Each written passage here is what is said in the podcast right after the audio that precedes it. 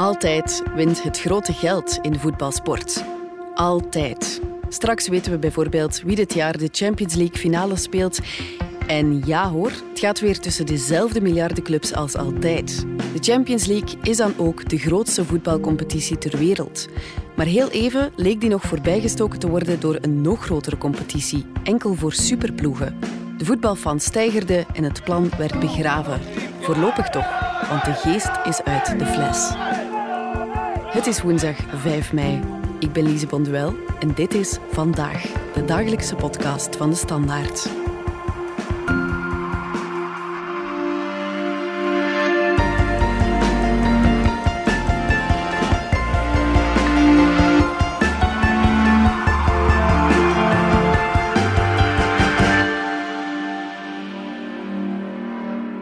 Frank van Laken, jij schrijft elke maandag de bankzitter voor de Standaard over de sportactualiteit. We gaan het samen over voetbal hebben, maar eigenlijk ook over heel veel meer. Hè? Over economie, globalisering, sociologie. Alle grote thema's komen hier samen. En toch is het misschien handig dat we eerst even iedereen meenemen in dit verhaal en dus beginnen bij het begin. Die gevraagde Super League. Wat was dat precies? Wel, om meteen een open deur in te trappen, het gaat om geld. Heel veel geld. En de Super League is een op dit moment nog virtuele liga, bestaande uit oorspronkelijk twaalf clubs die wilden wegdribbelen van de Champions League en van de bestaande competities binnen de UEFA. En die een eigen uh, semi-gesloten competitie wilden creëren. Waarbij zij, dus die twaalf teams, altijd aanwezig zouden zijn. Ze wilden dat zelfs uitbreiden naar vijftien teams. En die vijftien zouden altijd die Super League spelen, elk jaar opnieuw.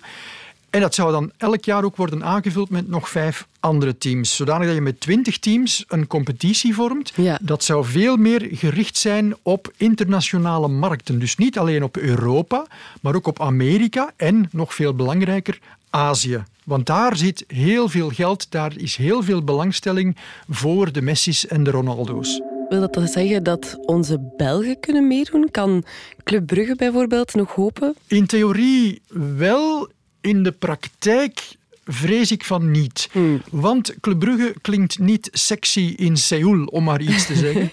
Uh, terwijl nog een zevende of een achtste Engels team ginder wel bekend is. Ja. Dus in die zin denk ik niet dat die, die twaalf stichtende leden van de Super League geneigd zullen zijn om een sympathiek Belgisch clubje erbij te nemen, om Ja. de hoop te vergroten, zeg maar, zodanig dat die ook een beetje geld kunnen verdienen. Hmm, ik twijfel daar, daar heel, heel sterk aan. Ja, dus die twaalf stichtende leden bij de Manchesters, Liverpool, Real, Barcelona en nog een paar, die topclubs wilden een Super League oprichten om zeker te zijn van Europese topaffiches. Om zeker te zijn eigenlijk dat ze elk seizoen opnieuw om heel veel geld, meer dan ze van UEFA krijgen, tegen elkaar zouden spelen. De meeste van die topclubs zijn in handen van Amerikaanse of Arabische eigenaars. Die pompen daar heel veel geld in. En wat willen die als return? Heel veel visibility in de hele wereld en dus ook geld dat terugstroomt. Ja.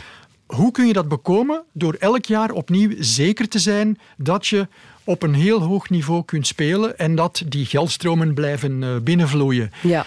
En dus willen zij voorkomen dat zij één of meerdere seizoenen ernaast vallen, omdat ze het niet goed genoeg gedaan hebben in de competitie. Want in het verleden zijn er natuurlijk eh, momenten geweest dat grotere clubs niet mochten meedoen in de Champions League, omdat ze het niet goed genoeg hadden gedaan in de eigen competitie. Ja. En dat is niet prettig natuurlijk voor de supporters, maar vooral voor zo'n zo'n eigenaar die sowieso al weinig heeft met onze Europese opvatting van het spelletje voetbal, is dat not done. Dus die willen daar vanaf. Do these people think that we are fucking morons? Do they think that we can't see through this bullshit? This is for one thing and one thing only greed. Do not take our sport from under us. It's not going to happen. Ja, een Liverpool-fan maakt zich hier druk over de Super League op YouTube. Want eh, wat wel opvalt, de fans die zijn fel tegen die Super League. Vorig weekend konden Manchester en Liverpool niet eens tegen elkaar spelen, omdat boze Manchester United-fans het veld hadden bezet. Ja, De fans hebben jarenlang heel veel gepikt. Ik denk bijvoorbeeld de fans van Chelsea en Manchester City, waar bij Chelsea een rijke Rus, bij City een, een rijke man uit de Verenigde Arabische Emiraten heel veel geld in hebben gepompt titels hebben gekocht, eigenlijk, mag je wel zeggen. Aan competitievervalsing hebben gedaan, financiële doping hebben toegediend, noem het zoals je wil. Met als gevolg dat die clubs van nobodies artificiële topclubs zijn geworden. Mhm. En die willen dat zo houden. En die fans vinden dat wel prettig. Want ja, je bent supporter van Manchester City. Jarenlang wordt er met jullie gelachen. Want Manchester United, de buur, doet het fantastisch goed. Ja, dat is niet prettig. Dus die supporters hebben dat gepikt. Waarom pikken ze dat nu niet? Ja, omdat er nu toch ook wel gemord wordt aan traditie. Mm. Traditie, in Engeland in dit specifieke geval, dat is dat men ook speelt tegen de kleinere clubs. Ja. Er was één spandoek van Chelsea-supporters wat mij opviel in al die protesten, waarop stond We want our rainy nights in Stoke.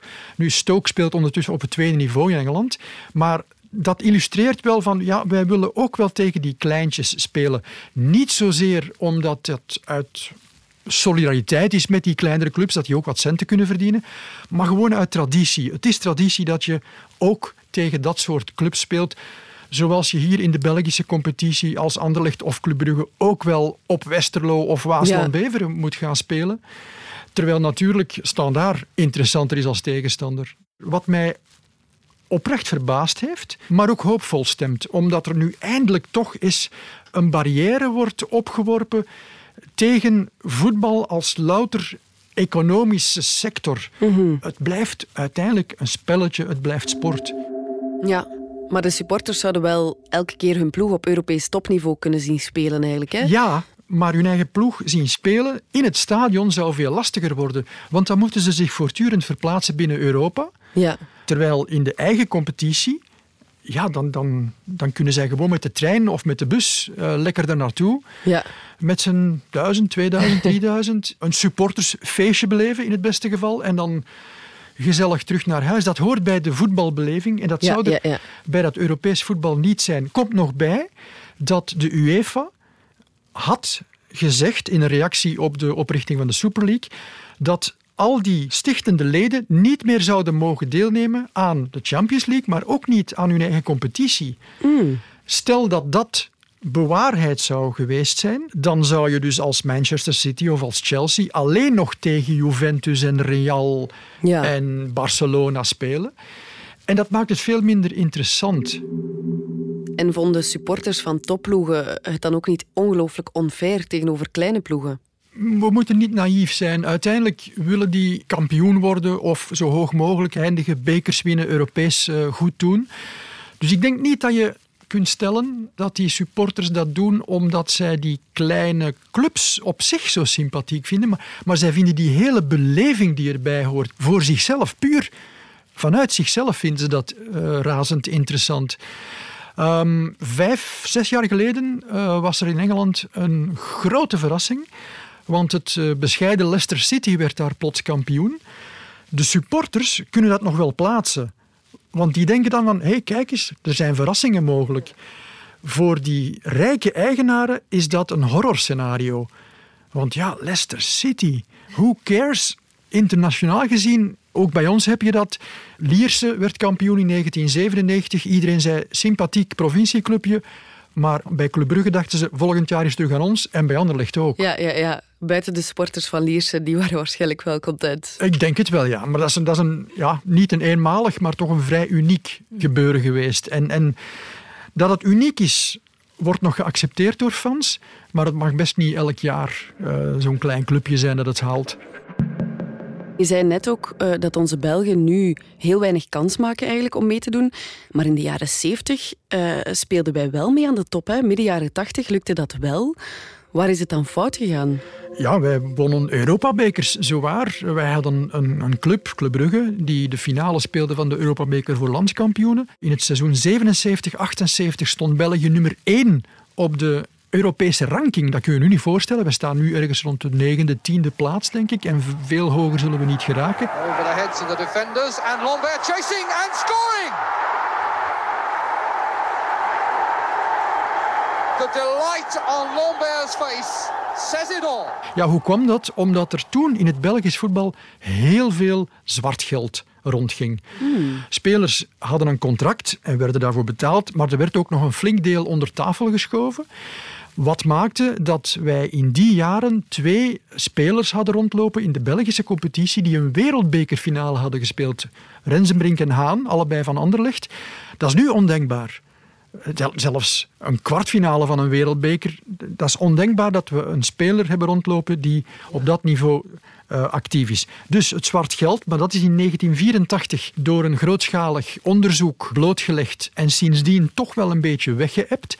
Een tweede belangrijk aspect is dat in die periode, de jaren 70, alle clubs in Europa maximaal drie buitenlandse voetballers mochten opstellen. Dat is nu helemaal weg. Nu is er het vrije verkeer binnen de Europese Unie. En dus moet elke club opstellen wie het wil. En moeten die spelers constant kunnen bougeren binnen Europa. Dus ook dat aspect maakt dat nu die topclubs in staat zijn om 11, 12, 13, 14 buitenlanders in dienst te hebben die ze heel veel betalen, wat wij dan niet meer kunnen. Dus daar is dan fout gegaan? Ja, fout. Eigenlijk was dat normaal. Het was abnormaal dat België als land met een bescheiden competitie het zo goed deed. Dat is heel goed gedaan van die clubs destijds, maar dat blijft een uitzondering. De regel is dat België op het Europese niveau een middenmotor is, in het beste geval. Terwijl ja, de, de G5, de grote vijf landen, Engeland, Duitsland, Spanje, Italië, Frankrijk, daar geraken wij niet meer qua commerciële mogelijkheden, qua financiële inkomsten, qua merchandising. Niet alleen bij de supporters van die clubs, maar vooral in de rest van de wereld. Ja, ik weet niet of er ergens in Azië iemand met een shirt rondloopt van Sambi Lokonga of Mats Rits. Ik denk het niet, eerlijk gezegd. ja, het zou me misschien ook wel verbazen. Dus die kloof tussen die kleine spelers en die grote spelers, die is dus al heel groot. Die is altijd maar vergroot. Die Super League lijkt dan eigenlijk wel de logische stap. Commercieel gezien is dat absoluut een logische stap, maar het is een stap te ver of een stap te vroeg die clubs, die twaalf clubs die de Super League hebben opgericht, die hebben die stap gezet omdat ze heel veel geld mislopen in hun ogen. En ze hebben die stappen ook gezet om de UEFA ertoe aan te zetten van nog meer geld in hun richting te schuiven. En dat is ook gelukt, want de UEFA heeft ongeveer gelijktijdig met het bekendmaken van die Super League heeft een nieuwe formule voor de Champions League bedacht vanaf het seizoen 2024-2025, waarbij die grote clubs meer geld krijgen. Dus ze krijgen eigenlijk al hun zin, maar die oprichting van de Super League had waarschijnlijk ook als zijbedoeling om de UEFA ertoe te dwingen van nog meer te voorzien voor de groten. We zijn zo terug. Download nu ook DS Podcast, de nieuwe podcast-app van de Standaard. Met nieuwe meeslepende journalistieke reeksen, waaronder Complot tegen de waarheid. Een podcast over complottheorieën en waarom ze zo verleidelijk en actueel zijn. Ook selecteren onze redacteurs voor jou elke week eigenhandig op de hartslag van de krant de beste podcasts uit de lage landen en ver daarbuiten. Naast al je persoonlijke favorieten ontdek je dus ook verborgen parels en inspirerende verhalen. Niet alleen meer van hetzelfde, maar juist ook meer van wat anders. Daar kan geen algoritme tegenop. Download de app nu gratis. Ja, die Champions League is eigenlijk al vrij sterk geëvolueerd om vooral die grote voetballanden, om die vooral te plezieren eigenlijk, hè? Ja, die, die twaalf clubs hebben in de loop van de jaren al heel veel gekregen. Champions League, de naam zegt het, kampioenenliga, heette vroeger Europabeker voor landskampioenen. Wie speelde daarin mee? De kampioen van elk Europees land. Wat maakte dat je uh, één club per land had. En er was ook nog eens een vrije loting, geen geleide loting. En in het seizoen 87-88 heeft zich het uh, absolute horrorscenario voorgedaan dat in de eerste ronde de kampioen van Spanje tegen de kampioen van Italië moest uitkomen. Dus één van de twee lag er al uit. Napoli met name, de club van Maradona, lag er na één ronde al uit. Real Madrid mocht doorgaan. Dat is natuurlijk iets wat die grote clubs echt niet willen zien gebeuren. In 92 wordt dan de Champions League opgericht met als belofte naar die grote clubs er komt meer geld vrij, meer tv-geld uh, beschikbaar voor jullie. Was nog niet voldoende. In 1997 hebben ze de Champions League uitgebreid voor die grote landen van één naar twee clubs. Dus naast de kampioen ook de ploeg die tweede was geworden. In de loop van de jaren is ook dat nog eens niet voldoende gebleken. En hebben ze dat uitgebreid eerst naar drie en dan naar vier teams. Met als gevolg dat de competitie die Champions League heet, zelden tegenwoordig een winnaar oplevert die kampioen was het jaar voordien in het eigen land. Als je de laatste tien seizoenen van de Champions League bekijkt, dan waren er zeven winnaars, zeven van de tien, die het jaar voordien geen kampioen waren geworden in hun eigen land. Maar goed, de rijken willen nog rijker worden en ze willen liefst dat de armeren heel weinig in de pap te brokken hebben. Ja, die Champions League wordt gaandeweg vanzelf eigenlijk een Super League. Hè? Waarom was die Super League zelf dan een brug te ver voor het UEFA? Wat er bij de Super League nog eens extra bij kwam, was de, de financiering door een grote, niet toevallig Amerikaanse bank, JP Morgan, die daar vele miljarden dollars op tafel uh, wilden gooien, of gegooid hebben misschien wel. Mm Geld dat dan uiteraard niet meer naar de UEFA zou gaan. Ja, er wordt wel eens gezegd dat de oprichting van die Super League een beetje een provocatie was. Niet met de bedoeling van effectief nu al een aparte competitie op te starten, maar de UEFA ertoe te dwingen om nog eens meer centen beschikbaar te stellen van die twaalf clubs of die uh, deelnemende landen. Het zou kunnen. Alleen het moment dat je zegt dat je een liga gaat oprichten en het effectieve oprichten zelf, daar zit toch wel een klein verschilletje tussen. Dus ik, ik vermoed dat ze daar toch wel meer hebben willen doen dan provocatie, dat ze effectief wel zo'n liga wilden oprichten. Maar dan zit je met het aspect dat de fans die protesteren, waar, waar we het al over hadden, maar ook spelers trainers, Pep Guardiola van Manchester City, die tegen het concept was, en de dreiging van zowel de UEFA en de FIFA, de Wereldvoetbalbond, om uh, spelers die actief zijn bij die twaalf clubs uh, niet te laten meedoen op grote toernooien zoals een EK en een WK in de toekomst. En dan snijd je natuurlijk ook in het sportieve vel van die spelers. Want uiteraard doen die dat voor de centen. Maar die spelers winnen ook graag belangrijke trofeeën. Dus in die zin is het, ja, ik weet niet of het onderhandelingsmarge creëren is, pure provocatie, of ja, een slimme zet om nog meer gedaan te krijgen. En de reactie van de UEFA was, was veel harder dan ze ooit in het verleden is geweest tegen dat soort nieuwe initiatieven. En dan heb je die fans nog eens, dus ze zijn veel te snel gegaan. Wat voor mij nogmaals illustreert dat je de enige ware aandeelhouder van een club niet mag vergeten, namelijk de supporter. De eigenaar, dat is een passant. De bestuursleden zijn passanten trainers, spelers zijn passanten, supporters blijven, die veranderen niet van club om de twee jaar. En als je die niet respecteert op deze manier, zoals het hier gegaan is, dan eh, zit je met zo'n, ja, noem het pre-revolutionair sfeertje bij supporters die, die zich kanten tegen dat idee.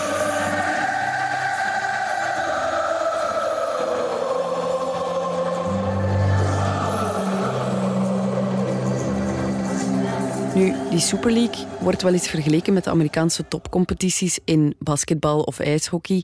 Ook dat zijn vrij gesloten competities met altijd weer dezelfde teams.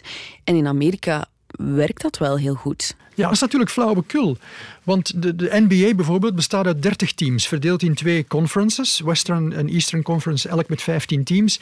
De beste acht van elke conference spelen tegen elkaar playoffs en op het eind heb je een kampioen. Die clubs zijn geografisch verdeeld. Er is over nagedacht dat al die clubs voldoende economisch hinterland, om een chic woord te gebruiken, achter zich hebben. En daar zit dan geen concurrent. In LA bijvoorbeeld heb je wel twee NBA-teams, maar ja, LA is een, een stad waarvan de agglomeratie 18 miljoen inwoners stelt, dus die kunnen twee clubs hebben dat staat haaks op wat die Super League was. Want in de Super League heb je twee teams uit Milaan. Je hebt drie teams zelfs uit Noord-Italië. De rest van Italië telt niet mee. Je hebt twee clubs uit Manchester. En dan 50 kilometer verder ligt Liverpool. Naar Amerikaanse normen is dat een buurgemeente. Je hebt drie clubs uit Londen. Je hebt er twee uit Madrid. Die vergelijking slaat gewoon nergens op. Het heeft niks te maken met de NBA. Het is puur economie, financiën op het einde van de rit moet er geld liggen. Kunnen we dan stellen dat met de begrafenis van de Super League, zeg maar, dat we nu de overwinning zien van de supporters eigenlijk op het grote geld? Tijdelijk wel, maar met een nadruk op die tijdelijk. Er zullen nog wel initiatieven komen die vergelijkbaar zijn met die Super League omdat ja, die Amerikaanse eigenaren, die Russische eigenaren, die Arabieren, die willen natuurlijk zo'n mondiale uitstraling met hun prestigeclubje. En daar, daar gaan ze niet van afstappen. En ze krijgen nu ook al wel voor een deel hun zin met de uitbreiding van de Champions League. Uitbreiding in aantal clubs, maar ook in centen. Dus mijn vrees is een beetje dat dit een, laten we het een gewonnen veldslag noemen voor de traditionele voetbalfan maar dat hij het in de toekomst toch nog zal verliezen. En dat dit soort initiatieven, waarbij de lokale supporter ondergeschikt is aan de markten heel ver weg, dat die niet tegen te houden vallen. Er is één hoop die ik wil koesteren. Dat is de Bundesliga, de Duitse competitie, is een schoolvoorbeeld van hoe het moet. Daar is het onmogelijk dat één persoon eigenaar wordt van een club. En daar is het verplicht om supporters inspraak te geven. Dat staat dus compleet haaks op wat die Super League ging zijn. En dat is een competitie waarbij er wel degelijk rekening wordt gehouden met supporters. Niet alleen op papier, maar ook in de praktijk. Mhm. Dus al onze hoop om de ziel van de voetbalsport te behouden ligt dus bij de Duitsers. Yes. Frank van Laken, dankjewel. Graag gedaan. Gibt es dan Elfmeterschießen. Und jetzt äh, kommen sie nochmal die Deutschen über die linke Seite. Ball kommt in die Mitte rein, die Möglichkeit für Götze. Dit was Vandaag, de nieuwspodcast van de Standaard. Bedankt voor het luisteren. Wil je reageren? Dat kan via podcast.standaard.be. Alle credits vind je op standaard.be-podcast. Morgen zijn we er opnieuw.